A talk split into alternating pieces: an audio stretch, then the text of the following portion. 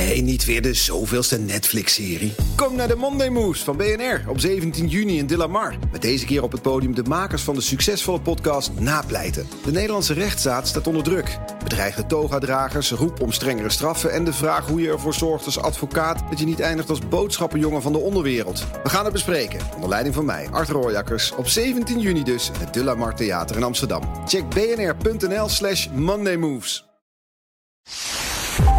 Welkom bij Technoloog nummer 192. Goed zo, welkom Ben van den Burg. Hoi, Herbert.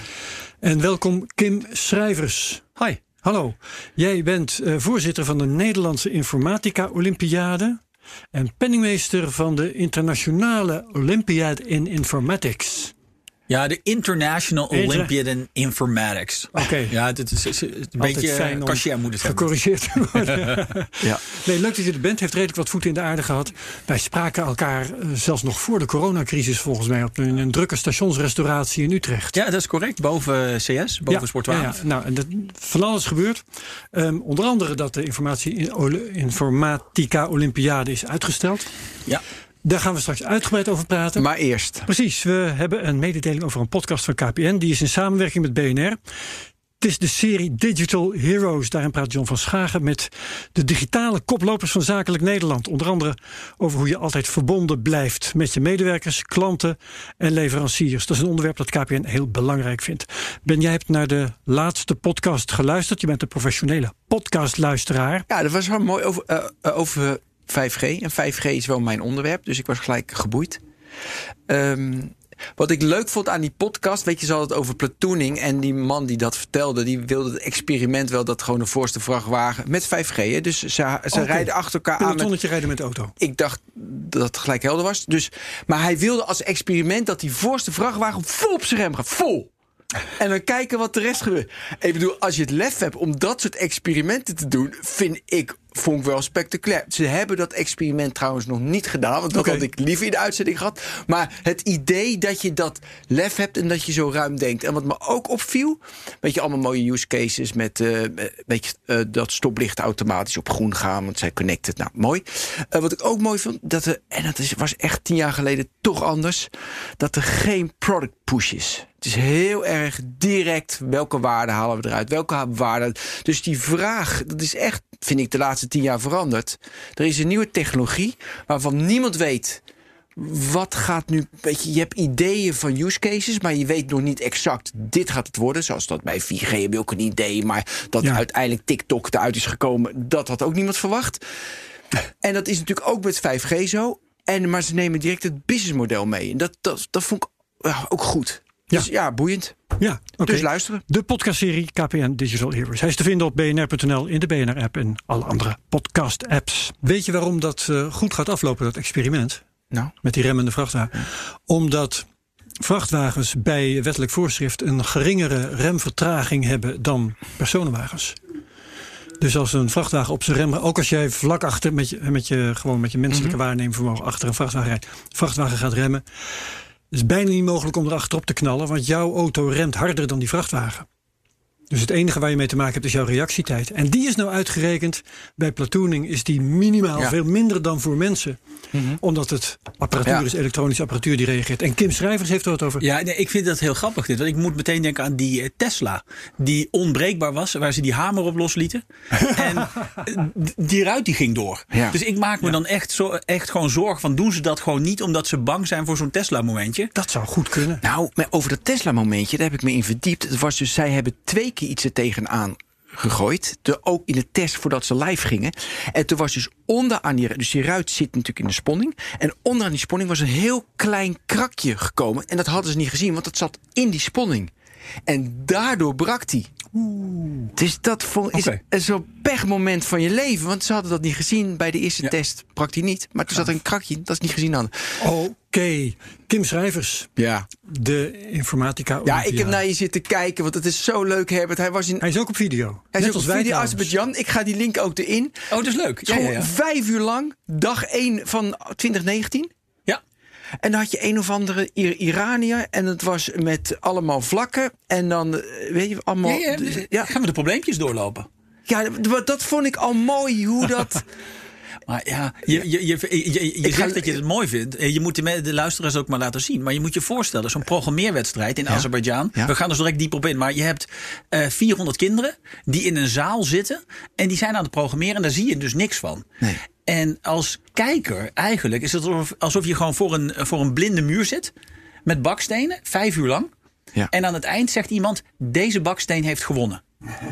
En Ja. dat is wat is. En dat probeer ik leuk het te zo maken. mooi- Precies, dat maakt je mooi. Visueel door een whiteboard te maken. En dan eh, kunnen we gelijk deze even doen die ik zag. Met die eh, vlakken. En dan waren de getallen binnenin. Die Het gaat moest- nu over een opgave tijdens de informatica Oh ja, ik ga snel. Ja, Ik bedoel, maar eh, ik ga- maakt mij niks ik uit. zal zo direct doe ik een andere opgave die wat, eh, wat minder is. visueel is. Nee, niet per se makkelijk, maar minder visueel. Ja. Nee, dit, pak, straks, pak, st- pak straks de bloknoot. Nee, en maar dan we moeten misschien even bij het begin beginnen. We hebben een informatica. Wat is, de, informatica. wat is de informatica Ja. Olympiade? Nou, de Informatica Olympiade is een wedstrijd voor scholieren. En die is bedoeld om kinderen die talent hebben... eh, een kans te geven om nog beter te worden. En ook kinderen in het buitenland tegen te komen... die ook datzelfde talent hebben. En dit is Ja. zeg maar de wereldkampioenschappen programmeren... maar dan op algoritmisch gebied. Het is eigenlijk saaie eh, problemen oplossen... Ja, die wij heel leuk vinden, Ja. maar die niet echt visueel zijn. Je gaat geen spel maken. En waarom maak je daar een wedstrijd van? Waarom weer een excentrieke zeg maar, motivatie toevoegen door een wedstrijd met medailles en geldprijzen? En, en waarom niet intrinsiek van ik vind het mooi om met elkaar puzzels op te lossen? Nee, maar dat, dat, is, dat is een leuke vraag. Maar die wedstrijd heb ik ook. En dat is de Beverwedstrijd. Ah. Dus in het aanlooptraject naar de Informatica Olympiade heb ik de Beverwedstrijd. En dat heet in het Nederlands een wedstrijd. Maar in het buitenland noemen we dat de Bebras Challenge. Hè, de uitdaging. En dat is een soort eh, selectie. Nou, die is eh, puzzelen. Ja, maar dat is, Ja. dat is dus niet bedoeld als wedstrijd. Dat is een, een puzzel. Het heet een wedstrijd, maar het is het niet. Nou ja, het, het, het doel is niet de wedstrijd. Oké. Dus ja, dat klinkt een beetje raar. Maar bij de Beverwedstrijd proberen we kinderen te laten zien wat informatica is. En ze ook te laten voelen dat het soms best leuk is. En dat ze er talent voor hebben. En dat heel veel dingen die je daar gebruikt, je ook in het dagelijks leven kan gebruiken. Kinderen in welke leeftijd? En we beginnen bij zes jaar. En we gaan door tot 18 jaar. 18. 18. En dat is ook meteen het probleem natuurlijk.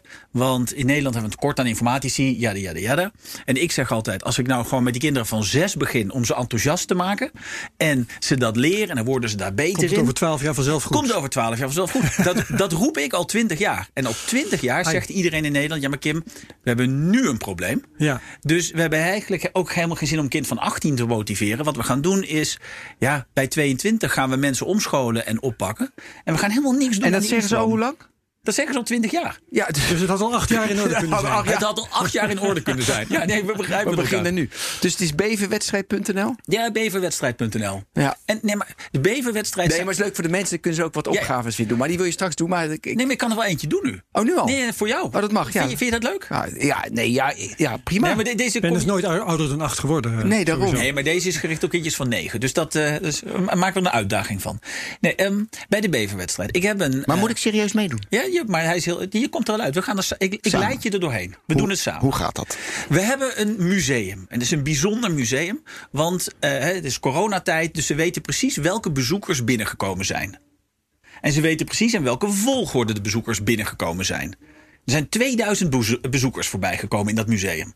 En in dat museum, daar ligt een diamant. De blauwe diamant. Dat is de mooiste diamant op aarde, dat weet iedereen. Die wordt daar tentoongesteld. Dus ochtends, die blauwe diamant ligt er. 2000 man, komt één voor één voorbij.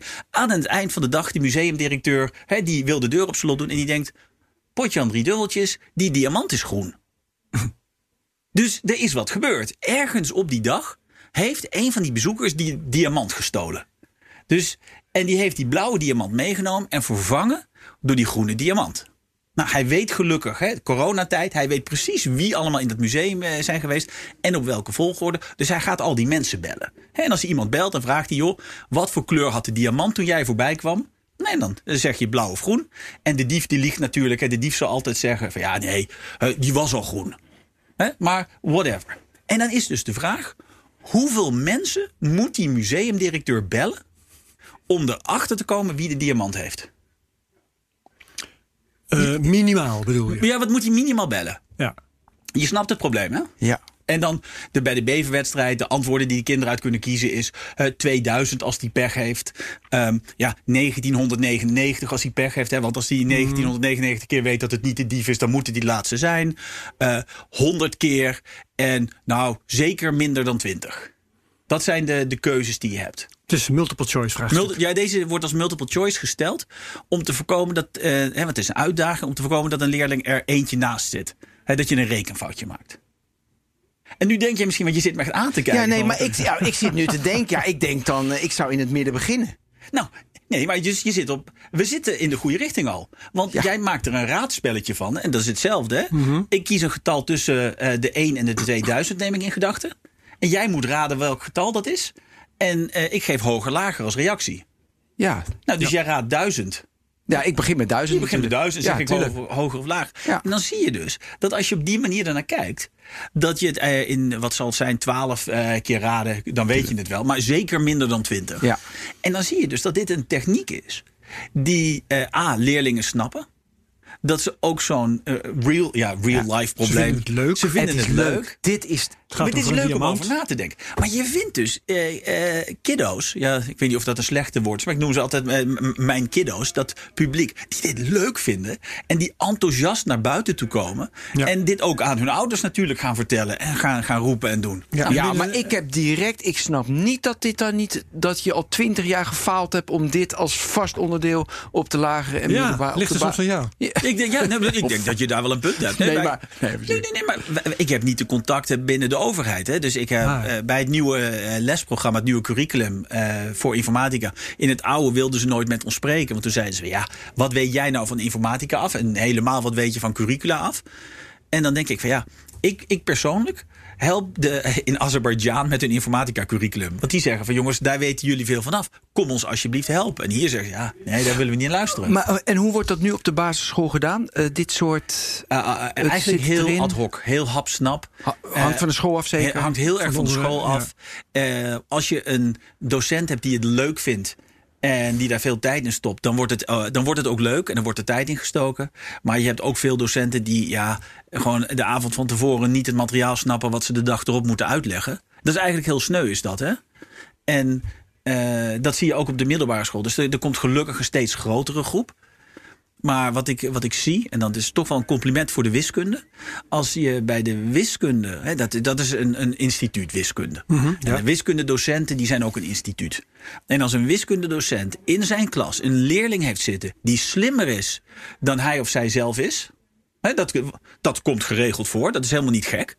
Wat er dan gebeurt is dat die wiskundedocent een collega belt. zegt, Ik heb nu iemand die slim is, die is misschien wel slimmer dan die en die. En dan, dan gaan ze daar materiaal voor zoeken. En dan gaan ze, dus die, die zijn niet bang van een slimme Ja. leerling. Die denken, wat gooi ik die leerling nog meer? Die zijn daar trots op. Ja. En dit is, informatica is natuurlijk een nieuw vakgebied. Niet echt uitgekristalliseerd nog. Dus het is ook heel moeilijk om randen aan te geven. En da, da, da- daar, daar zie je dit. Dat dat moeilijk is om daar te landen. Ja, even over die beverwedstrijd, hè, want daar bleven we net even in steken. Wat is de status daarvan? Is dat nou een soort eh, voortraject van die informatica-olympiade? Een soort selectiewedstrijd of zo? Wat, Nou, wat- wat, wat, is de Wat functie daarvan? Nou ja, wat we in Nederland doen met de beverwedstrijd is dat we, we hadden dit jaar 30.000 deelnemers. Dus 30.000 kinderen die meegedaan hebben. Dat klinkt als heel veel, maar als je in Ja. heel Nederland kijkt, is het natuurlijk ook niet superveel. Maar hè, ehm, ik, ik richt mij op alle leerlingen. Dus Ja. ik zeg altijd gewoon: de bovenste 95% van alle leerlingen moet mee kunnen doen. En wat we dan doen, we hebben Dat zijn Nederland. allemaal basisscholen. Nee, nee, nee. Nee, ook nee, basisschool 18 en, en voortgezet onderwijs. voortgezet. Nee, nee, Dus echt ja, gewoon tot aan 6 VWO hebben we dingen. Goed. Maar even, hoeveel tijd kost dat dan voor een leerling? Eh 45 minuten. Maar totaal in een jaar, dat doen ze tussendoor. Nou ja, dus omdat een vriendje doet, vind ik het leuk om ook Nee, te nee, doen. is- de eerste ronde doen ze echt op school. Eh, gewoon in 45 Als minuten. school dat doet. Ja, de- als de school eraan meedoet. En eh, die mogen ze dan doen. En dan de beste leerlingen van elke leeftijdsgroep. Ja, die- die... nodigen we uit bij de finale. Dat doen we dan wel. Dat is dan, dan, dan wordt het wel een beetje wedstrijd. Maar dan praat je dus over de beste 70 tot 100 eh, deelnemers. Die worden bij de finale uitgenodigd. Die doen we elk jaar op een andere universiteit. We proberen te roleren eh, van universiteit naar universiteit. Dit jaar deden we het in Leiden. En eh, die krijgen daar eh, een extra set opgaven. Die extra moeilijk is. Maar ook daar doen we weer leuke dingen. Dus de leerling komt met, met papa en mama aanzeilen. Dus die komen er binnen. Dan gaan de leerlingen gaan de wedstrijd maken. En op datzelfde moment, in plaats van dat we die ouders in een hoekje zetten en zeggen van ja, hè, jammer, jouw kind is hier goed in, verveel je maar. Nee, die ouders, die geef ik dan persoonlijk een presentatie waar ik alle opgaves uitleg die de leerlingen op dat moment aan het maken zijn. Met achtergrondinformatie. Waarom doen we dit? Waarom is dit leuk? Hoe kun je hier naar kijken? Zodat ook als die leerlingen uit die wedstrijd komen, dat die ouders A weten waar het over gaat. Ze een beetje kunnen troosten, Ja. maar dat hoeft helemaal niet. En daarna krijgen ze nog een lezing van een uur van een, een, een topwetenschapper. Dit jaar hadden we Joost Batenburg. Dat is een, eh, ik weet niet of je die kent. Maar eh, dat is een, is een hoogleraar aan eh, België en in Nederland, verschillende universiteiten. Oud deelnemer van de Informatica Olympiade. En die vertelde ze leuke, mooie dingen over zijn vakgebied. Super interessant. Ja. En daarna doen we de prijsuitreiking. Is die beverwedstrijd ook in leeftijdsgroepen ingedeeld? Dat zal toch wel? Ja, absoluut. We hebben per ja, ja. twee jaar eh, leeftijdsgroep. Dus je hebt zeg maar groep eh 3, 4, groep 5, 6, groep 7, 8, klas 1, 2, klas 3, 4, klas 5, 6. En die winnaars die mogen naar de Informatica Olympiade? Eh, de winnaars die eh, krijgen een zij-instroompad bij de Informatica Olympiade. Oké. Dus de Informatica Olympiade heeft een eigen instroompad waar de deadline in januari ligt. Maar alle, eh, om aan de tweede ronde te kwalificeren. Maar alle leerlingen die in de finale zijn van de beverwedstrijd, die mogen automatisch meedoen aan de tweede ronde van de Informatica Olympiade. Want daar hebben ze vaak nog helemaal niet van gehoord. Ja. En dan zie je toch dat daar eh, wat leerlingen uitkomen die dat dan leuk vinden om mee te doen. Ja. Ja, merk je in Nederland een diverse groep? Of is het toch een bepaalde maatschappelijke klasse? Eh, bij de beverwedstrijd heb ik echt alles door elkaar heen zitten. Dus eh, alle verschillende klasses door elkaar heen. Alle huidskleuren komen voor. En eh, Heel divers Alle geslachten, echt heel divers. Leuk. Bij de Informatica Olympiade. Ja, de- Ja, de- die is Iran. natuurlijk. Dat- dat- nee, snap- maar die, die is natuurlijk ook op VWO'ers gericht. Ja. Dus dan is je instroom is eigenlijk een beetje wat je ziet in de technische profielkeuze Ja. op het VWO. Ja, ja, ja. Oké, waarom heeft de beverwedstrijd in Nederland een andere naam? Want je noemde die andere ben ik alweer vergeten. Bebras. ja, hoe schrijf ik dat? B-E-B-R-A-S. B-E-B-R-A-S. Oké, waarom heet het in Nederland anders? Eh, het, eh, dus het woord Bebras komt van de mevrouw die de beverwedstrijd bedacht heeft. Dat is een professor uit Litouwen. En het nationale dier in Litouwen, dat is de bever. Was mij. Oh, Want die slopen, die, die slopen alles. En het Litouwse woord voor bever is Bebras. Eh, dus Ja. wij hebben dat de beverwedstrijd genoemd. grappig. In Engeland heet het de Bebras. In eh, Amerika de Bebras Challenge. Dus. Ja. Kun je nou ook eens een voorbeeld geven van een opgave uit de Informatica Olympiade? Of kunnen wij dat hier niet aan? Nee, ik denk dat ik wel een, een voorbeeld aan je kan geven. Ja, maar dan blijf op. ik even zitten bij die beverwedstrijdopgave van daarnet. Dus Ja. waar je net mee bezig was, is al een beetje een hint waar je hier naar moet kijken. Ja, ik wilde net al zeggen. Een week later ben je toe aan een sorteeralgoritme. Als je met die kinderen bezig bent. Ja, absoluut. Ja, dat is Ja. week één. Dat is, Ja. dat, dat, dat is week één. Dus de Ja, informatica Olympiade moet de leerling echt programmeren. Ja. En dan moet je dus ook invoer kunnen lezen en uitvoer kunnen schrijven. En datastructuur om dingen op te slaan. Algoritmes voor kortste pad algoritme. Bepaalde programmeertalen ook? Eh, in de finale van de informatica wedstrijd, informatica Olympiade per se eh, C++. Mhm. In eh, al onze voorrondes maakt het mij niet uit welke taal je gebruikt. Oké. Dus we hebben ook wel eens leerlingen die echt in de meest gekke esoterische taal eh, deelnemen in de eerste ronde. En dan roep ik altijd, dan pas ik mij wel aan. Of mijn vrijwilligers. En dan wijzen we iemand aan die die taal dan maar moet leren. Om het- Oké. nee, nee, maar het gaat om het leuk. algoritme. Hè? Dus Ja. de taal is maar een manier om, het, om het, dat algoritme uit te drukken. Maar ik heb een, eh, ik heb een leuke opgave. Een simpele Even variant. de naam, want ik vind die naam ook zo leuk.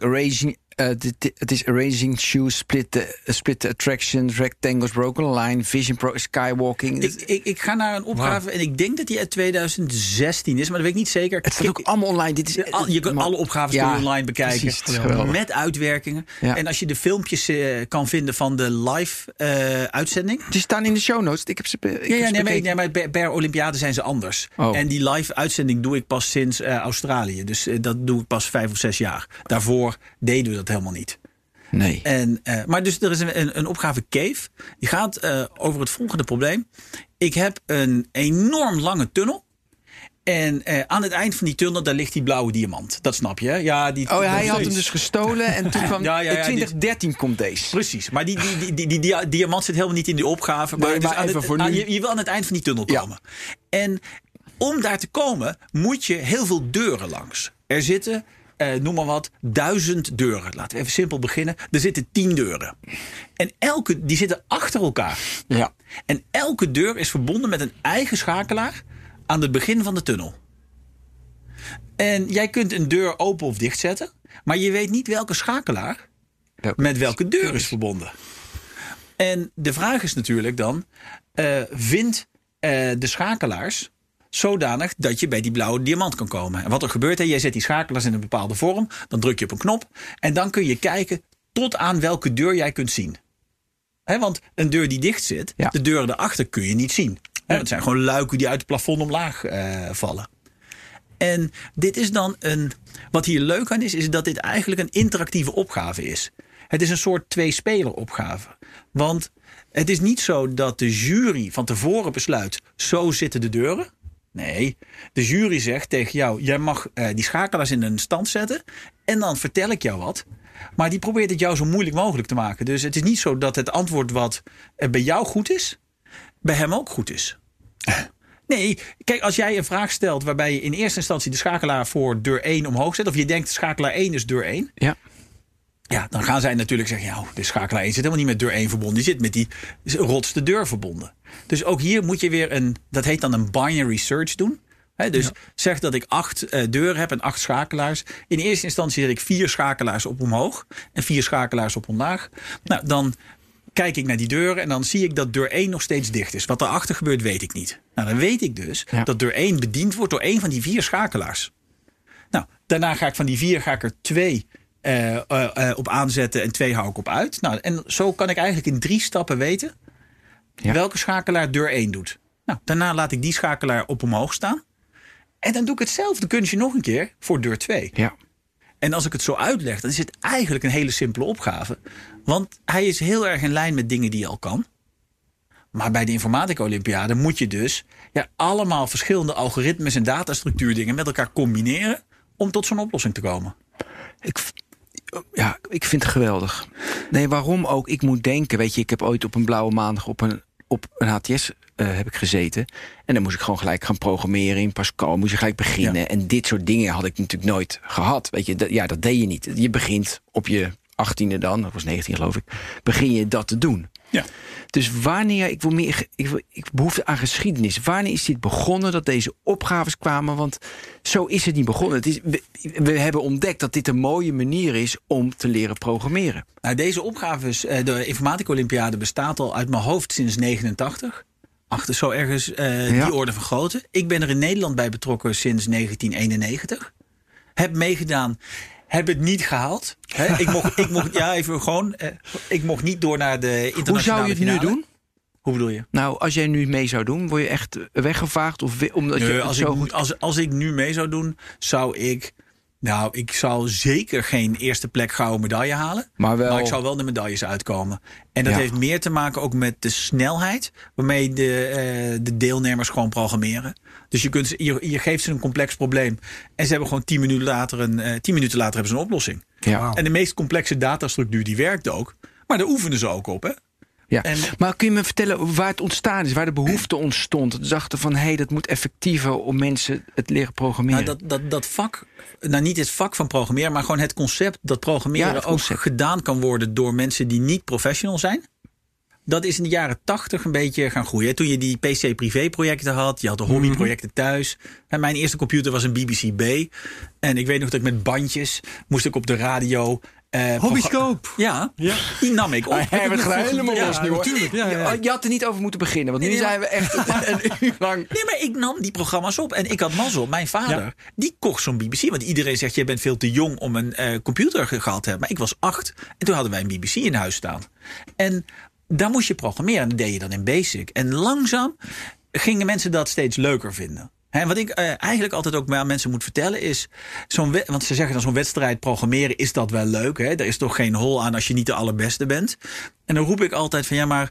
eh, en dan kijk ik zo iemand aan en zeg ik, doe jij aan sport? Ja, ja. Waar doe je dan aan? Ja, ik doe aan tennis. Ik zeg, nou, dan zal je eh, Federer, ja. binnenkort wel gaan verslaan, of niet? Nee, zo goed ben ik niet. En dan roep ik, ja, maar dan is er toch geen... toch? Ja, hoezo is het dan leuk? Hoe kan ja, het dan leuk zijn? Ja. Maar dat is een sport. En roepen ze dat. Maar, maar dit is een sport dus. En in de Ja, jaren ja, ja. tachtig kwam dat op. Dat mensen een, een leuk algoritme bedachten. En dat aan elkaar wilden laten zien. En een, eh, een, van de, een van de basisconcepten die je leert op een computer is recursie. Met een stack. Niemand heeft mij dat ooit geleerd. Dat heb ik zelf bedacht. En dat is leuk, hè? want ik kom uit die tijd dat je dat soort dingen. Het was al lang bedacht. Hè? In de universitaire wereld was dat oud nieuws, bestond dat al 100 jaar. Maar als je 15, 16 was, er was geen boek wat daar toen Ja. over ging, wat je in de biep kon halen.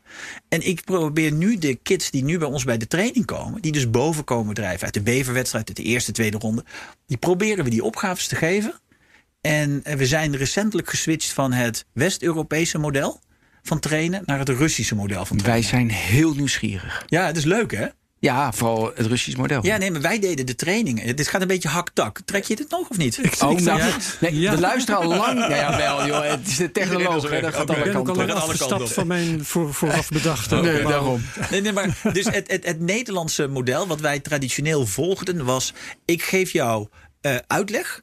Dus ik vertel je dingen. Ja. En daarna geef ik je een opgave. En wat ik je net geleerd heb, moet je daarin gebruiken. Want dan overhoor ik eigenlijk of jij dat kan. Dus ik, geef jou een, ik leer je een algoritme, ik leer je een nieuwe datastructuur. Daarna geef ik je een opgave waar je dat algoritme of die Moet datastructuur moet, moet toepassen. Ja. Het is een beetje de schoolse... Ja, schools, dat is heel erg onze school. Ja, En maar we liepen er tegenaan dat we nooit hoog eindigen. Nee, we hebben drie gouden medailles, 15 zilveren en 40 bronzen Ja. in het bestaan Ja. van de Eh, Precies. Olympiade. Nee, daar kunnen we het ook over hebben. Medaillespiegel is belangrijk. Maar dus ik ben op, eh, zelf meegegaan op eh, training in Rusland. Een trainingskamp. Ja, trainingskamp. Hoogtstage of Nee, ja, in, in, Kazan. Kazan? Waar ligt dat? Tatarstan. Dat is gewoon echt de één na mooiste stad van Rusland. Sint-Petersburg is het mooiste. Maar kun je een beetje zeggen waar ongeveer... Het is een uur ten oosten als je met eh, Ja? het vliegtuig gaat van Moskou. Oh, niet echt ver in de Nee, dit is, Oeran. niet, dit is, nee, dit Nee. is helemaal niet ver. Maar oké, Kazan. Maar dus ik kom in Kazan aan. Tien dagen lang. En is het alma ata van ja, de- precies. Ja, Ja. dit, dit- ja, dit is allemaal ja, ja, ja, van, dit is- van de informatica. Ja, dit, precies. Dus ik kom daar in Kazan aan. En eh, daar hebben ze eh, op de universiteit hebben ze gewoon geregeld dat daar een trainingskamp is. Nederland was ook uitgenodigd. eh, en China ook. En wij waren toch een beetje, hoe noem je dat, de vreemde eend in de bijt. Met hoeveel man kwam je aan? Hoe- nou, ik had, de eerste keer dat ik ging, heb ik maar twee deelnemers meegenomen. Ja. En eh, daarna vier. En volgend jaar hoop ik met nog meer mensen eh, te gaan. Zit je in een moet- hotel? ja, nou nee, Chef de hotel. mission is hij hè? Hotel. We zitten niet in een hotel. We zitten in een flatgebouw. Zo'n oude Russische Oh, bunker van oude vijf verdiepingen. van vroeger, ja. Ja, zo'n zo'n oud sporthotel. En eh, de, waar ze ook de, de, heet, de Olympiade, de Kazachs, zo- zo'n sportevenement voor de Universiade. Ja, universiade. Die hebben ze daar gedaan. Ja. Dus op dat terrein zitten wij. Ja. En elke ochtend verplicht half acht opstaan. Eerst yoga en gymnastiek Top. en buiten doen. Daarna ontbijt. Was het midden in de winter? Nee, nee, nee. Jammer. Nee, nee, nee. Dit is, Jammer. Joh, dit ik wil het nog romantischer hebben. midden in de zomer. Gewoon om twee uur 's ochtends is het al eh, meer licht. Ja. Dan dat we hier midden op de dag hebben. Het is een draak was dat. Half acht. Ja, half acht. eh, yoga. En daarna eh, vijf uur wedstrijd. Ja, maar het is toch een trainingskamp? Ja, maar je moet leren concentreren. Je moet leren hoe het is om in het diepe gegooid te worden. Je moet leren onder spanning te werken. Je moet ook leren zelf nieuwe dingen te ontdekken. Dus hun hele concept is: we geven je opgaves die je eigenlijk niet aan kan. We leren je onder die druk functioneren. En daarna dan zijn die vijf uur voorbij. Dan is het lunch. Daarna krijg je één, twee uur college. En in die twee uur college wordt gewoon echt alles uitgelegd wat je had moeten doen. Mag ik nog even bij Ja. die vijf uur? Dus, ehm, dus mijn dochter heeft op een Japanse school gezeten. En toen kreeg ze ook wiskundesommen die veel te moeilijk waren. Ja. En daar mocht ze dan twee weken over doen. Nee, ja, dit is als je die. eh, Dus ik, maar ik dacht daaraan. Dus Nee, nee, nee, dat, model, dat, dat, dat Ja, ligt- precies, Nee, maar dat ligt weer te ver uit elkaar.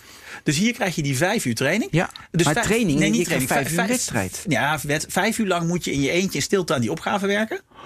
En, Dat wilde ik En dat doen andere leerlingen om jou heen ook. En de eerste dag krijgt iedereen dezelfde opgave. Daarna krijg je. En is de ene verder dan de andere? En daarna ja, gaan, ze, daarna gaan, we, spreken. gaan we het aanpassen. Maar dan hebben we de. Dus dan is het voorbij. Dan is het lunch. Daarna krijg je twee uur college waar wordt uitgelegd hoe die opgaven werken. Wat je had kunnen zien. Hè, hoe je daarnaar had moeten Ja. kijken. Wat je had moeten proberen. En daarna krijg je nog twee uur de tijd om jouw programma's te fixen. Dus daarna zeggen ze ja, maar nu weet je hoe het moet. Ja. Dus Pas het maar toe. Pas het maar toe. Dus dat even, even Nederlands model. Hè. Ik heb je net wat geleerd. Nu krijg je nog twee uur de tijd om het te doen. En dan lopen er persoonlijke coaches mee. Die je gewoon ook op de vingers stikken. Zeggen nee, maar dit doe je niet handig. Of die doe je niet slim. Of en wat nou als je deze fout gemaakt had. Had je die wel gevonden? Nou, dan is het inmiddels. Hè, is de dag voorbij, denk je? Dan is het zes uur. Nee, natuurlijk niet. Nee, Doorrammen. dan is het zes uur s'avonds. Dan krijgt iedereen te eten. En na het eten s'avonds heb je de keuze eh, tussen... eh, je mag of schaakles krijgen. Hè, gewoon tot tien, Ja. tien uur moet licht uit. Dus het is Ja. of schaken tot tien uur... of robots programmeren tot tien uur... of origami vouwen. ja, ja, ja, je lacht, maar... En, eh, Nee, maar dit is briljant. Weet je waarom? Er is, is heel veel onderzoek gedaan van op welk moment van de dag je het beste leert. En als je echt wil schrijven, geconcentreerd, moet dat s'morgens. Wil je, eh, wil je zeg maar, zeg maar simpele taken, dat is, dat, dat, is bij jou dat luisteren. Wil je zeg maar, administratie doen, dan moet dat na de lunch. Dus dat Ja. is dat luisteren met die, eh, zeg maar met die professor. En s'avonds ben je creatief. Ja. Dus ik zie nu al, hebben ze de Russen bewust of niet bewust gedaan, maar dit, ik vind het briljant. en dit bleek dus beter te werken dan het Nederlandse model. Want je vertelde dat, Ja, het, nou- dat jullie het hebben overgenomen. Nou ja, ik, dus we, we hebben dit nu overgenomen ook bij onze normale Nederlandse trainingen. We gaan nog steeds naar ook Russische kamp zo toe, hè? tien uur zo ook gewoon twaalf uur per dag. Nee, dan, dan krijg je er in Nederland niet door. Nee, maar dat moet je gewoon afdwingen. Moet je gewoon doen. Je, je, je denkt daar heel makkelijk over. Maar een ander probleem dat we hebben. Een, een een Russisch kind eh, of een Eh, Kazak kind. Die wordt gewoon, hè, die goed blijkt te Ja. zijn. Die heeft de keuze. Of je doet mee. Of ja, je krijgt geen baan, geen universiteitsplek. Ga je ja. ja. En in Nederland is het zo. Ja, maar ik heb ook nog mijn Playstation. En ik heb, Je wil goud winnen of niet? Ja, Kom op. Ik wil op Facebook. Nee, maar, ik, ik, ik, maar ik, heb, ik heb een aantal deelnemers TikTok, die echt nu goed zijn en die, die er alle tijd in stoppen. En dat zie je ook. Eerder die medailles die wij gewonnen hebben, zijn, eh, eh, zijn gewoon deelnemers geweest die gezegd hebben: ik wil hierop focussen. En ik snap dat als ik eh, de, de 100 meter sprint wil winnen, dat ik daar vier jaar voor bezig Ja. moet. Nou, die vier jaar heb ik niet meer, want ik zit nu in 5 VWO. Maar ik ben bereid om gewoon elke dag en eh, elke avond hier aan te werken. Ja, maar de kern is dus dat je een opdracht krijgt die heel moeilijk is en je gaat daarin verder en daarna wordt uitleg in plaats van dit is uitleg, pas het nu toe. Precies. Dus Dat de is het kern verschil. draait het om. En je moet niet een opdracht geven die zo ver weg is Nee, dat ze het dat- nooit kunnen snappen. Nee. Je moet een opdracht geven die, waar ze misschien uit kunnen komen. Sommigen komen er echt uit. Hè? Met name als je helemaal op de Ja, vijfde, zesde dag zit. Dan zitten die Nederlandse leerlingen komen dan ook in een flow uit. Want dag één zijn ze back af. Ja. Want ja, ze hebben gewoon acht uur moeten concentreren op een niveau wat drie keer zo hoog is eh, dan wat ze op school krijgen. Ja. Maar op de vijfde, zesde dag is dat lichaam plotseling gewend. En die denkt van ja, maar dit kan ik eigenlijk wel. En dit ritme snap ik. En ze krijgen dat zelfvertrouwen van hé, hey, maar ze gooien me in het water. Hè, want dat is wat er gebeurt. En ik kan nog niet zwemmen, maar zij gooien mij hierin omdat ze weten dat ik eigenlijk deze beweging wel kan leren. En is het niet iets te veel een, zoals een sport, een spelletje, terwijl je uiteindelijk die zelfrijdende auto waar we mee begonnen, weet je, de Ja. platooning moet maken? Of juist is dat spelletje nu belangrijk? Net zoals sport in, bij de vorming van mensen belangrijk is. Nee, dit hangt ervan af hoe je er naar kijkt. Dus als je Ja, echt kijkt naar de top van de informatica Olympiade, Ja. dat is gewoon topsport. Daar is eh, dus de landen die daar gewoon Maar echt sport is het. Nou, de landen die daar gouden medailles halen, Ja. voorafgaand aan de tweede wedstrijddag, mogen die leerlingen niet met de andere landen praten. De leerlingen, eh, ik heb, was er hè, afgelopen jaar Azerbeidzjan. En eh, dan, dan zie je dat gewoon de gouden medaillisten. Ze hebben dag één hebben ze gehad. En wat ze dan gaan doen, is zich terugtrekken in hun kamer met hun boeken erbij. Om te evalueren, wat ging er vandaag niet zo goed? Waar heb ik mijn zwakke plekken zitten? En dan denk je, die weet je al. Maar hè, dat is wat ze doen. Heel veel andere landen die denken van ja, nee, hè, we pakken nu gewoon even rust. En we gaan lekker, eh, lekker buiten. Ja, maar wat ik eigenlijk bedoel te zeggen, ik ga even terug naar die site met al die mooie opdrachten. Ja. Dus ze gaan in 2019 in Azerbeidzjan hebben ze de, arrange, de arranging shoes hebben ze, op, hebben ze opgelost. Ik, weet, ik weet helemaal niet wat het Ja, is, maar prima. Kan je dat heel kort uitleggen? Welke opdracht? Dan moet ik hem straks even erbij Oh, pakken. Oké, Eh, maar dus die hebben ze opgelost. Wat natuurlijk wellicht ver weg staat van de praktijk van, een, van het gebruik. Dus hebben ze niet van: ik moet een timeline eh, beter optimaliseren dan dat TikTok dat kan, om TikTok heet terug te laten komen. Nou ja, nou ja dat, zijn, eh, dus, dat zijn twee totaal andere dingen. Hè? Dus, want ja, aan de ene kant heb je het over eh, user interface. Nee, Maar- nee, nee, nee. Ik, ik bedoel, zijn de opdrachten echt een opdracht? Kijk, als je heel goed kan tennissen, dat is fijn voor je. Maar dan heb je in het leven heb je daar niet zoveel aan. Want dan eh, heb je Oké, gewoon een snap wat je relatie. Eh, oh, Ja, ik- slecht uitgelegd. Nee, nee, dat maakt niks uit. Nee, nee, maar als je naar de opdrachten kijkt Ja. eh, en je leest het verhaaltje, dan zul je denken van hé, hey, hier heeft iemand een algoritme bedacht en daar een verhaaltje omheen geschreven. Dus het verhaaltje, daar heb je helemaal niks aan in de rest van het leven. Maar de opdrachten en de ideeën van de opdrachten, die komen wel uit ja, groundbreaking research van mensen Dat die, bedoel ik eigenlijk, die nu ja. echt aan de top zitten Ja. van waar wij in de wereld mee bezig zijn. En komen die studenten dan van 18 met een oplossing? We hebben het altijd over platooning. Ja. Er zitten allemaal algoritmen in die heel erg moeilijk zijn. Topwetenschappers met patenten zijn er allemaal mee bezig. Komen, is er een voorbeeld uit al die Olympiades dat dus die studenten met een oplossing kwamen of met een andere manier van kijken, waarbij die topwetenschappers denken van wow, Er was bij een van de eh, opgaves vorig jaar in Azerbeidzjan. Ja. Dat was, een, eh, dat was een open opgave, maar dan moet ik hem straks even opzoeken. Daar was de beste oplossing van de deelnemers. Van een van de deelnemers was zijn oplossing was beter dan de beste oplossing die alle juryleden hebben gevonden van tevoren. Ah, en de juryleden. Die moeten daar ook zelf nog over nadenken. Ja, want de, De juryleden. De juryleden, die- dus de juryleden bedenken de opgaves. Hè, Dan heb je een comitéetje van 10, 12 man. Die, maar die zijn zes maanden met die opgaves bezig. Schrijven, herschrijven, dingen eruit gooien. Is al een keer gebruikt. Te makkelijk, te moeilijk. Is- dat is een complex, eh, complex Ja. vak. Is Ja, dat. ja. Ja. Maar zij hebben zes maanden de tijd om met een oplossing te komen. En wat zij eh, vaak doen, hè, dan hebben ze een probleem. Dan zeggen ze, ja, we willen een probleem hebben... waarbij ik kan zien, eh, is de ene deelnemer beter dan de andere. Dus dan gaan we een probleem doen en dan kijken we... oké, sommige leerlingen zullen dit algoritme bedenken...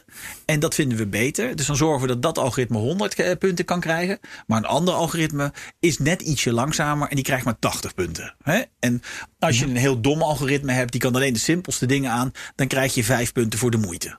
Oké. Maar zo, moet je dat een beetje zien. En hier was gewoon een, eh, een systeem waarbij een deelnemer gewoon een oplossing had bedacht. die gewoon echt efficiënter en beter was dan waar de juryleden uitgekomen waren. En beter te uh, uitlegbaar, beter te snappen. En dus niemand was erop gekomen. Ook niet alle coaches van alle landen die de avond ervoor die opgaves te zien krijgen. Deze leerling had gewoon iets waarvan je denkt, nou, zijn oplossing. Dat zou een wetenschappelijk artikel moeten zijn. Maar dat zou je ook in de Volkskrant kunnen zetten bij eh, de, de wetenschapsbijlage. Want dan snapt iedereen het ook. Ja, ja, ja. Ja, en ik zou het ook mooi vinden dat het dan bijvoorbeeld in die platooning auto's zou kunnen worden gebruikt. Weet je, dat daar. Dat Maar, ze daar maar ook dat is wat dit, eh, heel veel van dit soort. Want er zijn optimalisatieproblemen. Het is Ja. vaak vindt het beste, vindt het kortste. Ja. En als je kijkt naar de eh Olympiade-opgaves van 10 jaar geleden. Nou, 15, zeg 20 jaar geleden.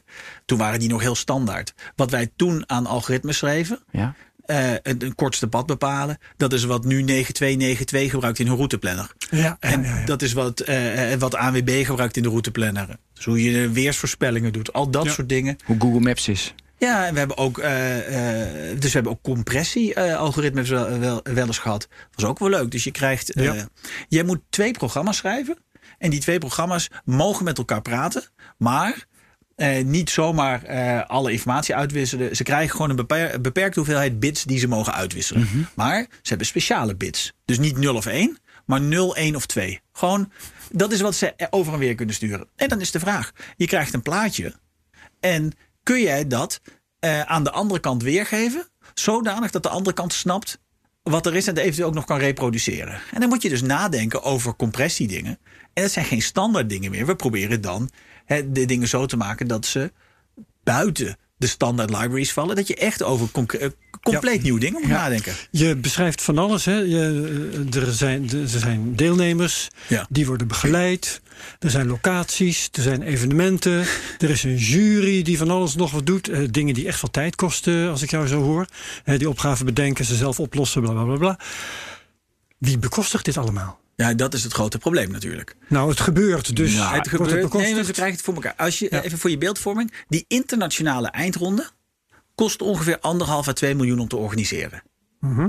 En dat hangt een beetje af van het land waar je het in doet. Maar dat is alleen de eindronde. Dat is alleen de eindronde. Nee, Ja. maar, maar, maar dus Ja, een de, idee. de afspraak is, als eh, de, het land dat de eindronde wil organiseren, daarmee hebben we de afspraak, die moet alles financieren voor die eindronde. En die moet alles betalen vanaf het moment dat de leerlingen landen op de luchthaven.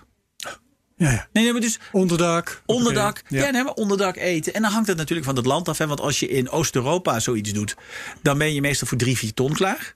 Om, nee, maar omdat de huisvesting goedkoper is. Ja, gaat vorig bij- jaar Japan, dat is een duur land. Ja, Japan is een duur land.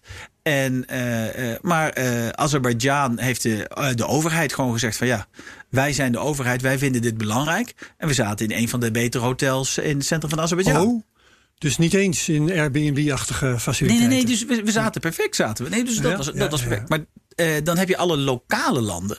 Dus decentraal, alle lokale organisaties, die moeten dat ook voor elkaar krijgen. Ja. Maar hebben we in, eh, er zijn heel veel landen waar de overheid dit betaalt, want vindt de overheid het belangrijk. Tuurlijk. In Nederland is het zo dat onze vliegtickets naar de internationale, die worden betaald door OCW. Dus het ministerie betaalt dat. Maar we kregen tot voor kort ondersteuning van een, eh, van een nationaal instituut. En die hebben gezegd van ja, informatica heeft geen prioriteit meer, is geen speerpunt. En- Nee, even serieus. Nee, maar dat is, dat is waar. En wij kregen 25 mandagen van hun cadeau. Ja, hoe Maar moet van wie? Van, van ja, ik, ik, instituut? ik zit niet op ruzie te wachten. Maar oh, dus Nou het- OCMW gaf een instituut geld, maar dat was niet geoormerkt. En uit dat geld kregen, werd er 25 mandagen aan de informatica Olympiade besteed. En dat is heel erg fijn, want allemaal administratieve taken. Hè, die er bij vrijwilligers vaak tussendoor vallen. Daar wil je eigenlijk gewoon iemand voor hebben die gewoon betaald wordt en dat kan doen. Ik heb ook gewoon nog een baan eh ernaast. Ik heb, ik, heb- ik heb, een Ja, fulltime baan. een en- softwarebedrijf. Ik heb een softwarebedrijf. Ja. Dus daar ben ik 50 uur Ja. mee bezig. En dit. Maar dus dat instituut heeft gezegd van ja, maar sorry. Toedeledokie. Nou, kijk, Oeps, waarom doe jij dit trouwens? Nou, dit, ik, het, mijn, mijn, mijn hart en ziel ligt bij eh, eh, kids motiveren deze kant op te gaan. Dus technische richtingen te kiezen. Dan geef ik, ik, ik kom twee keer per jaar op Oxford om daar eh praatje te geven aan nieuwe leerlingen. Gewoon scholieren dan, hè? dus die op Oxford komen kijken. En dan vertel ik ze, geef ik ze beveropgaves. Dan vertel ik waarom dit zo superleuk is.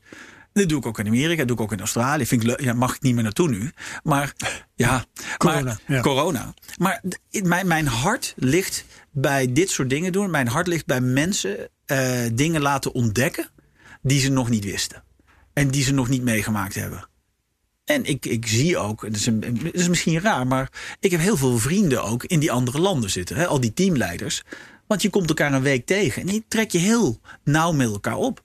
Dus je kent elkaar allemaal. ja, het is echt een sportgroep. ja, het maar is dan, een Sfeer, groep. ja. Sfeer. ik, ik ken al, ik, dus ik ken alle teamleiders, ik ken die deelnemers. Dat is leuk. hey, maar die, eh, we hebben natuurlijk over. Nee, het hobby, goed. We hebben het natuurlijk vaak over gehad. Ook hier hebben we het van eh, belachelijk. Dit moet, eh, dat hier niet onbeperkt geld naartoe gaat. Want we snappen allemaal dat het goed is. Gebeurt niet. En, nou, maar moet je misschien. Eh, wat hou je eruit? Maak jij kenbaar wat de uiteindelijk de resultaten zijn? Want die ene gast die die lezing gaf in Leiden, die is hoogleraar in de wiskunde, zag ik. Ja, je hebt hem gevonden, hè? Ja. Ja. Dus, eh, ik, dus dan zeg je van hé, dat is, en hij kan dan vertellen van dat mijn basis was toch mijn enthousiasme voor het. De mensen die dit goed doen, Ja. dat is wel grappig, is dat. Hè? En, en, en, eh, als je zuiver naar de deelnemer kijkt, Ja, het halen van een medaille.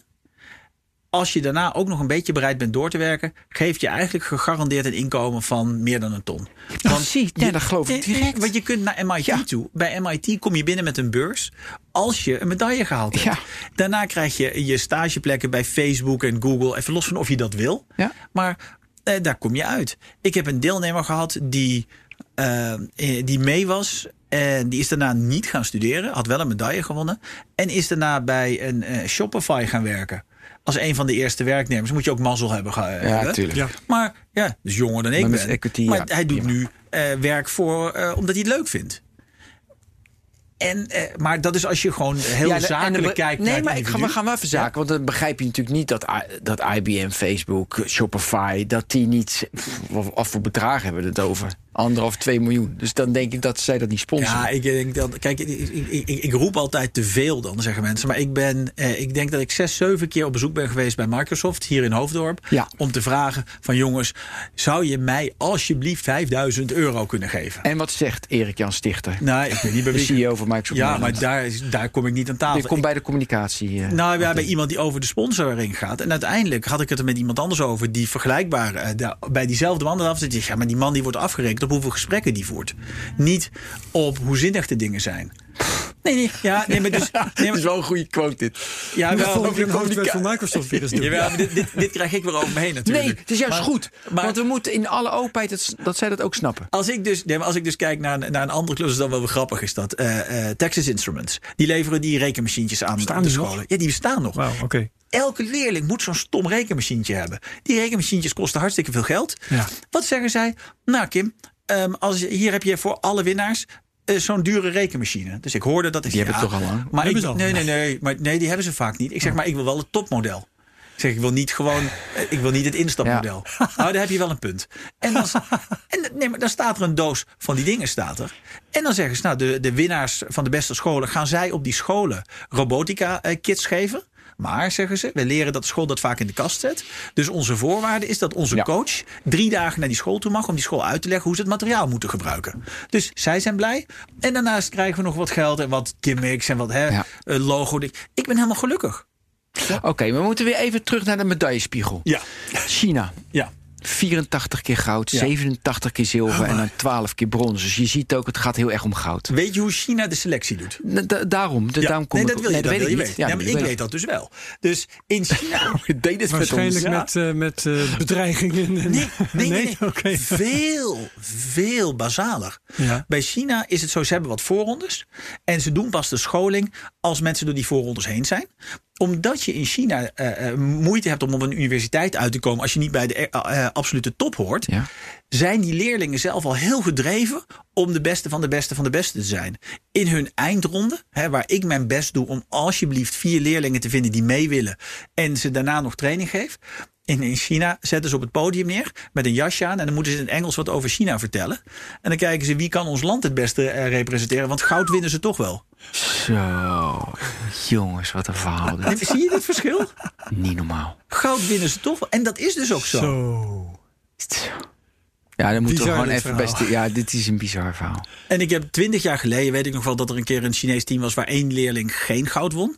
En die werd ook do- door de coach daarop aangekeken. Zo. Dus wij waren hartstikke Ja, ja, ja. blij. Hè? Eén keer zilver, twee keer brons. En zij hadden drie keer goud en dan de schande, één keer zilver. Ja.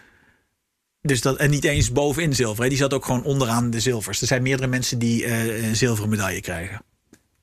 Ja, en, en, en dan inderdaad Rusland de twee, Polen drie, Roemenië vier, Bulgarije vijf. Ja. Dus heel erg Oostblok. Heel erg Oostblok, dus heel erg landen waar weinig afleiding is. En die ook Weinig geld. weinig geld. En die traditioneel ook een cultuur hebben dat intellectuelen vroeg gevonden worden.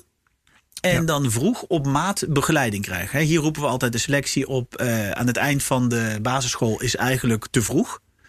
Ja. Dus dat, dat, dat hoor ik heel veel mensen zeggen. Je moet leerlingen langer de tijd geven om te rotzooien. En daar zeggen ze nee, wij proberen eigenlijk op een vierde al te vinden waar leerlingen goed in zijn. Ja. Dan kunnen we daar wat meer tijd in En als heel ouderwets persoon ehm, denk ik even hardop... zijn het niet ook soms landen waar nog streng wordt opgevoed? Ja, ja nu, ik denk dat dat... Ja, maar daar wilde ik Ja. ook naartoe. Want kan je alleen maar winnen met een strak... Ik denk even aan het turnen. Aan een strak regime, is, is nu namelijk actueel. Een strak regime, trainingskamp van 10 uur per dag. Ja, wat, wat grappig is, is Kon je dat ook uit de- vrijheid goed de presteren? meeste van die informatica-kids, die echt goed scoren, die, eh, die eh, passeren hun coaches eigenlijk al heel vroeg. Hm. En dus daar heeft dat, dat strakke regime helemaal geen zin. Die vinden elkaar op websites als topcoder, doen ze mee aan wedstrijden. Dus die doen overal aan programmeerwedstrijden mee. En die zitten s'avonds op hun zolderkamertje gewoon eh, te werken. Ja. Yevgeny uit eh, Oekraïne, die heel vaak de nummer 1 is geworden. Mhm. Die is, vanaf zijn dertiende stond hij gewoon al op nummer 1. Was, was echt gewoon echt een van de aller, aller, aller slimste mensen die je op dit gebied gewoon kan tegenkomen ooit. En die, ja, die, eh, die, die doet het in zijn eentje. Zijn ouders weten niet waar hij mee bezig is. Die snappen er niks van. Ja, die zien dat hij weer met een medaille thuis komt. En dat hij weer. Ja, je, komt hij weer met een laptop aanzeilen? Zou je niet eens een baantje zoeken? Ja, ja, zo, Ja. zo- zoek eens werk. Ja. Maar, eh, maar ik kom ze dus tegen. Want dit zijn de. ik, ik kom die mensen dus tegen. En ik heb het er ook over met ze. En ik kan eigenlijk normaal met, eh, met die mensen. Het, het zijn net mensen, hè, Nee, programma's. uiteraard. Moet je ze nu niet alvast al vastleggen dat jonge talent... Die heb je, of, weet je, je zodat je, in de- je weet van dit, dit gaat uiteindelijk heel veel waarde toevoegen in de wereld. Dus ik leg ze nu alvast vast op een 18e, 17e, 18e. Zodat ik daarin mee kan En hoe vastleggen bedoel Nou ja, dat je, dat je zegt van, in, eh, bedoel, ik, ik faciliteer jou nu 100%, je krijgt een salaris enzovoorts, maar eh, al je toekomstige inkomsten krijg ik 5% van. Als ze negen zijn alvast. Als ze Zoals negen Chelsea ook ja, nee, ja, nee. nee, nee, we hebben het over sport. Nee, maar dan, ja, ik snap wat je zegt, maar dan, dan kijk je, je- dus jij kijkt heel zakelijk dan.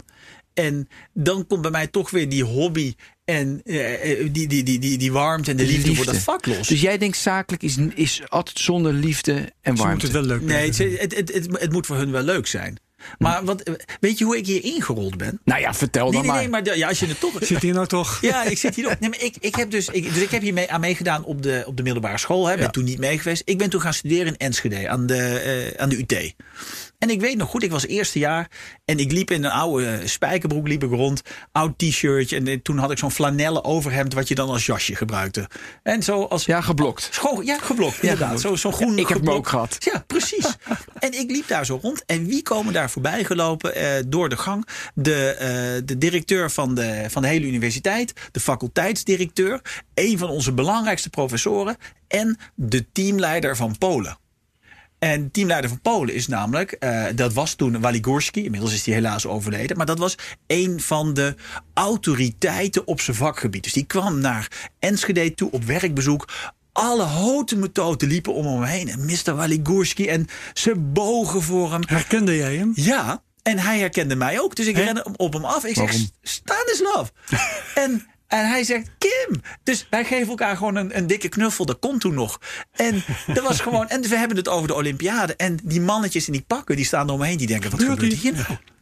En ik heb dus allemaal eh, vrienden eh, hou, eh, die hou ik over aan dit soort dingen. Die hier gewoon, die eigenlijk hele hoge namen hebben. Ja. Waarmee ik gewoon lekker s'avonds ja, een wijntje zit te drinken. Als we zitten te wachten totdat eh, de uitslag van de wedstrijd definitief is. Ja. We moeten het langzamerhand ook even Online. gaan hebben over de editie van dit jaar. Ja. Kan dat, Ben? Ehm, Ja, online, want die is uitgesteld. Ja. Die zou plaatsvinden in september in Singapore, als jij mij goed hebt ingelicht. In juli in Singapore zou die zijn. Juli- dan heb ik het verkeerd onthouden, want jij hebt me ongetwijfeld goed ingelicht. Ja. Ehm, is uitgesteld wegens corona. Ja. Gaat nu plaatsvinden in september. Ja, Ja, dat was het. Ehm, maar hoe? Hoe gaan jullie dit doen? Want niemand gaat naar eh, Singapore of wat dan ook. Niemand mag naar Singapore. Ik heb vandaag nog, eh, want eh, ik zit elke dag met, die met de organisatie daar te, te chatten. Ja. En ik vroeg vandaag aan ze, ik zeg, kan ik niet gewoon komen? Gewoon in mijn eentje gewoon, voor het gevoel. Maar dan moet ik twee weken in quarantaine in een hotel. Ja, dan kan, daar heb ik dus niks aan. Maar wat ze gaan doen, ze gaan het online doen. En dan worden de opgaves worden. Eh, dus die, de avond eh, of de ochtend van tevoren, s ochtends vroeg voor Nederlandse begrippen, krijgen we de opgaves. Die moeten wij dan vertalen naar het Nederlands. Hè, want het is een wedstrijd programmeren, niet een wedstrijd wie spreekt het beste Engels. En daar hebben we dan vier uur de tijd voor. En eh, dan komen de leerlingen bij ons binnen. En dan moeten wij een ruimte regelen. Waar die deelnemers bij ons die wedstrijd kunnen doen. En die ruimte die moet dan allemaal eisen voldoen. En er is nu internationaal wat discussie over die eisen. Want de eisen die gesteld worden, die, ze slaan een beetje door. Ze willen namelijk, hè, elke leerling sowieso natuurlijk een eigen bureau en een eigen laptop. Eh, twee camera's gericht op elke leerling.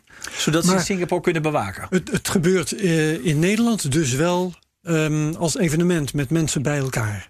Wij in Nederland doen we vier mensen bij elkaar. Ja. Maar we zijn inderdaad nog wel op zoek naar is een echt een ruimte. evenement. Maar oké. Nee, ja, nou ja, nee, maar we zijn nog wel op zoek naar een ruimte. Want de universiteiten hebben geen plek voor ons.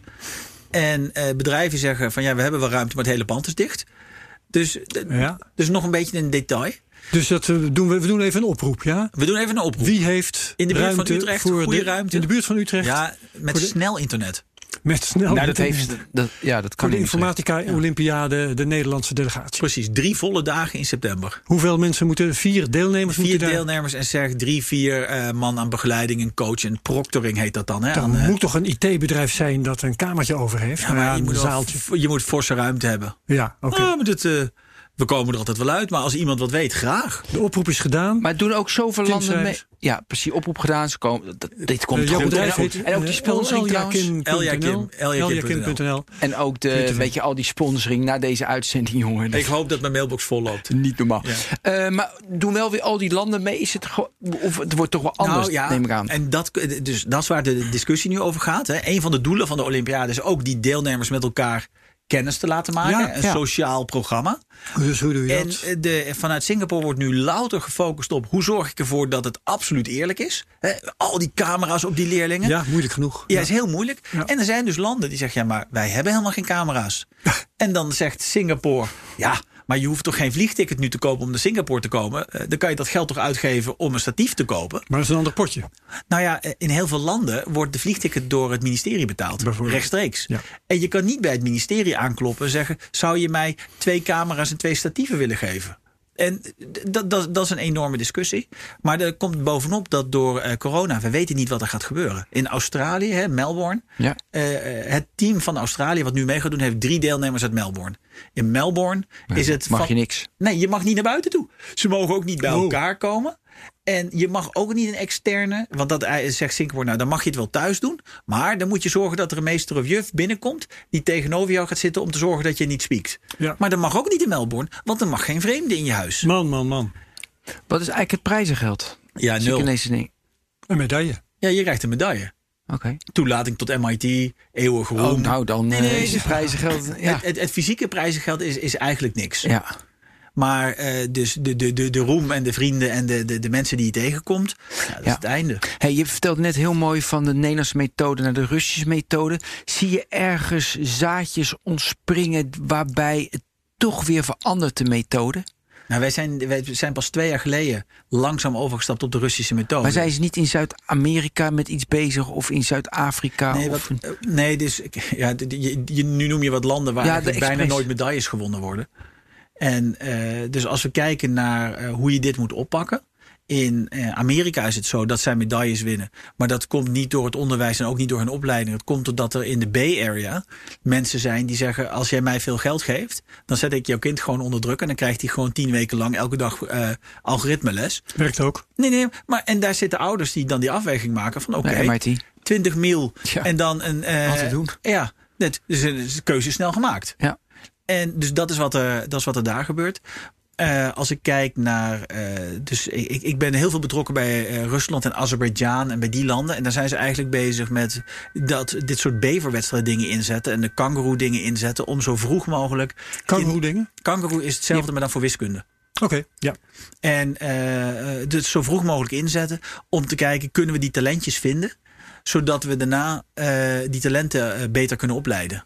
En dat, dat komt ook natuurlijk als je naar een land als Azerbeidzjan kijkt. Traditioneel, als jij met een, als jij een olieapparaat kon repareren, dan was je miljonair. Ja. Maar als je intellectueel was, dan vluchtte je dat land uit. Want er was niks voor te doen. Ja. En nu zeggen ze, ja, maar wij willen die intellectuelen binnenhouden. We willen ook zo'n sector hebben. We willen, wij willen dat ook doen. En daar zijn ze heel erg mee bezig. En de nieuwe minister van Onderwijs, die daar zit. Eh, Dat is dan wel grappig. Want dat is zo'n maatje die ik van de Olympiade ken. Die is net minister van Onderwijs daar eh, eh, geworden. En die vindt het heel belangrijk. Die heeft, is een jonge vent die echt ideeën heeft. Oké, hoe gaan we nou die talenten vinden? En ze dan motiveren dat ze zelf verder willen komen. Dus we willen niet zo'n oud model waar jij het net over had. Zoals van, in van Amerika. streng zijn en we, Ja. we geslaan. We willen ook niet dat ze per se op het geld gaan. We willen ze die motivatie geven. Dat ze die intrinsieke motivatie, dat ze dit Ja. zelf willen doen en dit leuk vinden. En of ze dan, hè, als je met al deze kennis van algoritmes, of je nou informaticus wordt of arts, dat maakt ons niks uit. Want de arts moet ook kunnen nadenken. Ja. En die kan die dingen ook gebruiken. Dus ja, je leert nadenken. Ja. Even, even terug naar de opzet die jullie dit jaar noodgedwongen volgen. Eh, ik, ik heb de indruk dat het allemaal lastig is en dat je het liefst het volgend jaar weer op de oude manier deed, zou gaan doen. Eh, maar komen er toch nog dingen naar boven waarvan je zegt: hey, dit is eigenlijk wel leuk, hier hadden we niet aan gedacht, dit nemen we mee een volgende keer? Wat je nu Ja. helaas moet doen. Ja, dat is, dat is zeer zeker zo. Wat wij tot vorig jaar deden, is dat we de scholing altijd in persoon deden. Elk jaar opnieuw.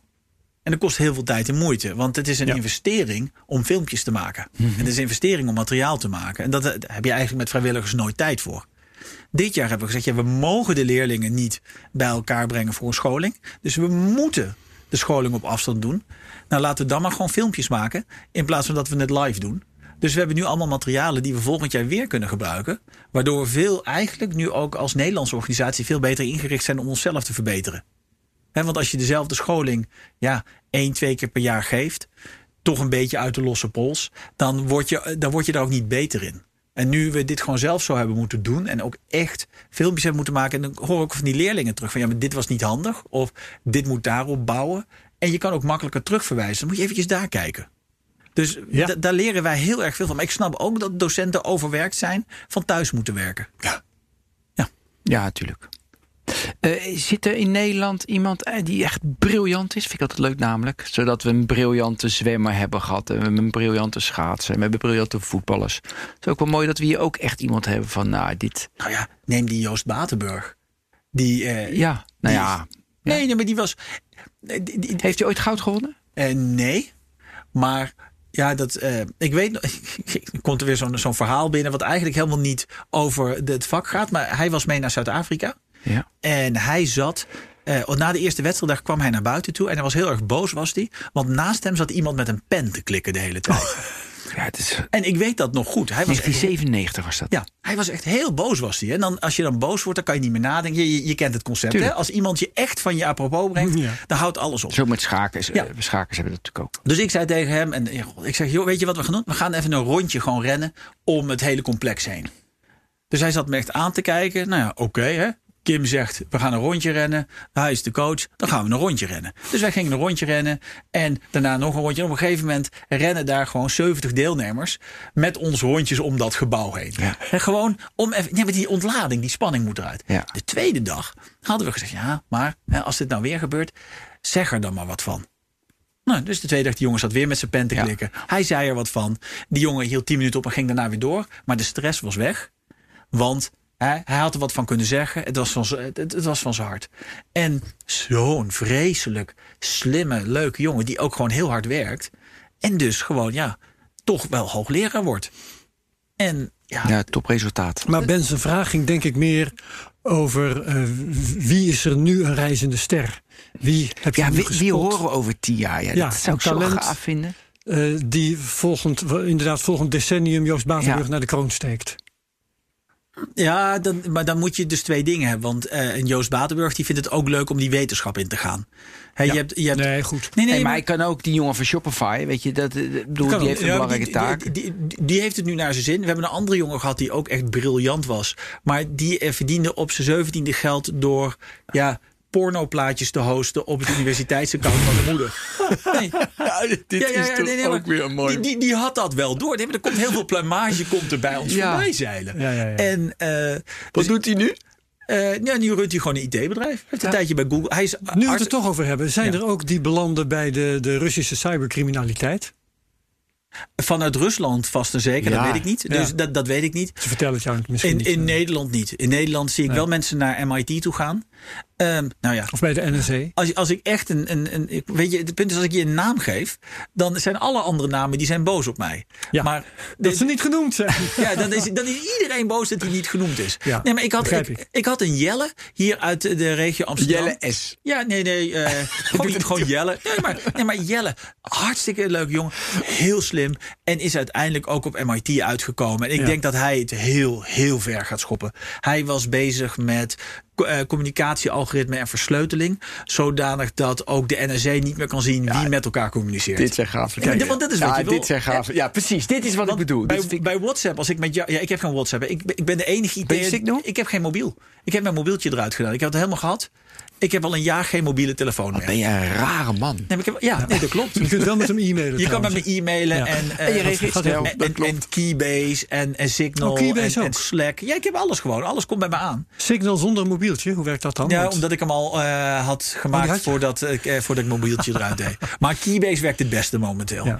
Maar ehm, dus als ik met, stel dat ik ga met jou gaan whatsappen, dan kan iemand anders kan zien dat wij met elkaar communiceren. Ja. Ja, de los van dat Facebook alles weet, maar aan de dataverkeer Ja. kan je dat zien. Mhm. En Jelle houdt zich bezig met hoe zorg ik er nou voor dat je dat niet meer kan zien. Ja. Hè, een soort eh, van bitcoin, hè, daar roept, is pseudoniem. Hè, dus ik kan wel zien dat twee adressen met elkaar communiceren. Maar ik weet niet wie erachter zit. En hier gaat het erom. Hoe zorg ik ervoor dat ik niet eens kan zien? En hoe doet hij dat? Ja, dan moet je ze. Oh. Dat, is, dat is echt het niveaus boven We mij. Nodigen moet Jelle uit. voor- Ja, ja, dit is- Jelle dat zijn mooie is, dingen. Moet je Jelle een keer uitnodigen. En, eh, maar, maar Jelle is, eh, ik denk nu 23, 24. En die, die, die, die komt daar heel ver in. Jelle is nu ook zo'n iconische naam voor, voor, Ja, voor, ja, voor voor jullie. Wie is. Jelle en wat doet Hebben we Jelle? nog een Jelle? Nee, maar. ik heb, Jelle wordt een mythe nu. nee, maar, maar elk land heeft dit soort. eh, Heeft een Jelle. elk land heeft wel, eh, heeft wel een Jelle. Ja. En ik ken dus. Zoek de Jelle in ieder land. En wat doet de Jelle in ieder land? Nee, maar in, in, eh, dus Amerika heeft een. eh, hun Jelle is Richard Peng. Richard Peng is, die gaat nog wel een keer echt. eh, ik weet niet hoe de Nobelprijs voor de wiskunde heet. Maar De Turing Prize, toch? nee, dat Nee? is. Nee, dat, dat heeft Maar een ja. andere. Maar dat maakt ook niks uit. Maar Richard Peng is echt gewoon een. Echt top, top, top. Onder de 30. Ja. En nou, slimmer dan hij kan, je- kan je echt niet tegenkomen. En eh, Richard Peng die was een keertje in Europa en die had zijn vlucht gemist. En dus hij, eh, hij belde mij op. Hij zegt, Fields Medal. Fields Medal. Ja. Hij zegt, Kim, eh, ik heb mijn vlucht vanaf Schiphol gemist. Ehm, heb je een slaapplek? Natuurlijk heb ik een slaapplek, kom maar langs. En hij komt dus langs. En wij zitten heerlijk. De hele avond hebben we het niet over informatica. Maar gewoon, ja, over Amerika. Over Uiteraard. vriendinnetjes, waar- over dit en dat. Ja. En dan zit ik in, eh, ik gaf in Noorwegen een presentatie. En daar zat een man te name droppen. Een van die professoren. En dus na een tijdje dacht ik, ja, dat kan ik ook. Dus, nee, nee. Dus Jij ik noem die naam Jelle. Richard Peng. Nou, ja, Jelle nog niet. Jelle, Jelle is up and coming. Maar dus ik, ik noem die naam Richard. En hij was echt helemaal... Ken jij die? Ja. En met, waar heb je het dan over met hem? Heb je het over dit en dat probleem? over Ja, Waar houdt, vriendinnetjes, ja. waar houdt Richard zich mee bezig? Ik veel, dat snap ik allemaal niet. Dat is allemaal wiskunde. Ook kan je ook niet hoog, hoog, hoog over, weet je ook niet. Nee, Wat voor problemen hij number- oplost. Numbertheorie. Oké. Goh, mooi zeg. Ja, Nog iets te vragen, Ben? ja, nog heel nee, veel. ja mooie, mo- mooie anekdote, maar Misschien bedankt. moeten we jou na de Informatica Olympiade nog een keer uitnodigen. ja, over de status en... eh, Uitslag. Uitslagen. Ah, de. Uitslagen, jongen. Resultaten willen we zien. De medaillespiegel. Ja, medaillespiegels moeten worden aangepast. Wat ik zal doen, is ik zal zo direct sowieso mijn deelnemers inzijden dat ze dit gewoon moeten luisteren. Dat moeten ze. En dat ze gewoon een medaille moeten winnen. Ja, En dan als ze een medaille winnen, moet je wel zorgen dat ze ook op camera hier eventjes mogen vertellen hoe ze- spannend het was. mogen Dat vind ik helemaal geen slecht idee. Nou, precies. Als het mag van corona. Hè? Dat Ja, als het mag, dat snap ik. Als het mag van gewoon. En dan leggen we ook de opgaves even uit. En dat vinden we hartstikke leuk. Mooi. Oké. Kim, bedankt. Kim Schrijvers, verbonden aan de Beverwedstrijd, eh, Informatica Olympiade, Nederlands, Internationaal en eljakim.nl. Ja. Heel erg bedankt. Ja. Succes met de Informatica Olympiade. En eh, tot een volgende editie van de Technoloog. Dankjewel. Dit was Technoloog 192. Ben. 192, Herbert, bedankt. Dankjewel Ben. Tot ziens. Tot de volgende keer. Hoi.